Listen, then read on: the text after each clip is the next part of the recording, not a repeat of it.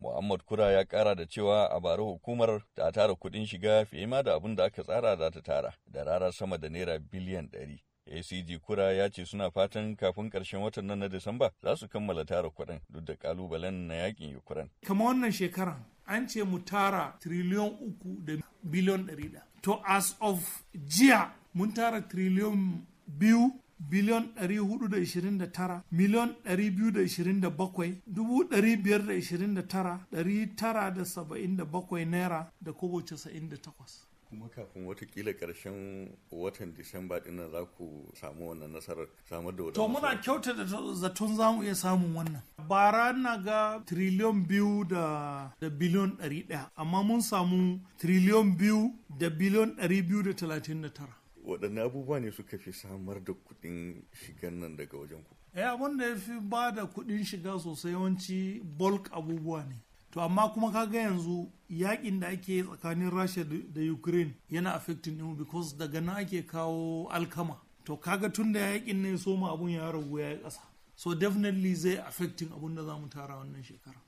Kure ya buƙaci duk 'yan kasuwa da ke shigo da haja daga ƙetare su tabbatar suna biyan kuɗin haraji don nuna kishin ƙasa da kuma kaucewa matakan hukumar da za ta kai ga asarar kaya. 'Yan kasuwa musamman ma na motoci da harajin yayi wa yawa sun ce yanzu kuɗin motoci ya ninka don jibgin haraji da faɗuwar darajar naira, inda yanzu mutane suka koma sai dai kakara.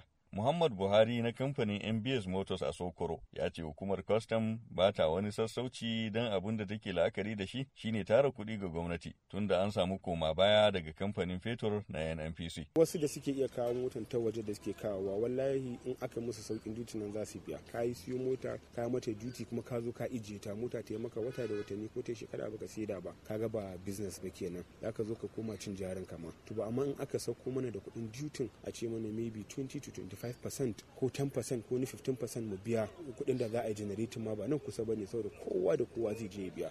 Kaga wannan baka da hujjan yin rashin kin biyan wannan kuɗin. Amma in a ce kuɗin yayi yawa ne zaka ga wasu suna ɓoye ɓoye wasu suna neman sauƙi kowa na kin biya saboda kuɗin yayi yawa. To da in ka biya complete full valuation da aka baka baka iya sai da motarka.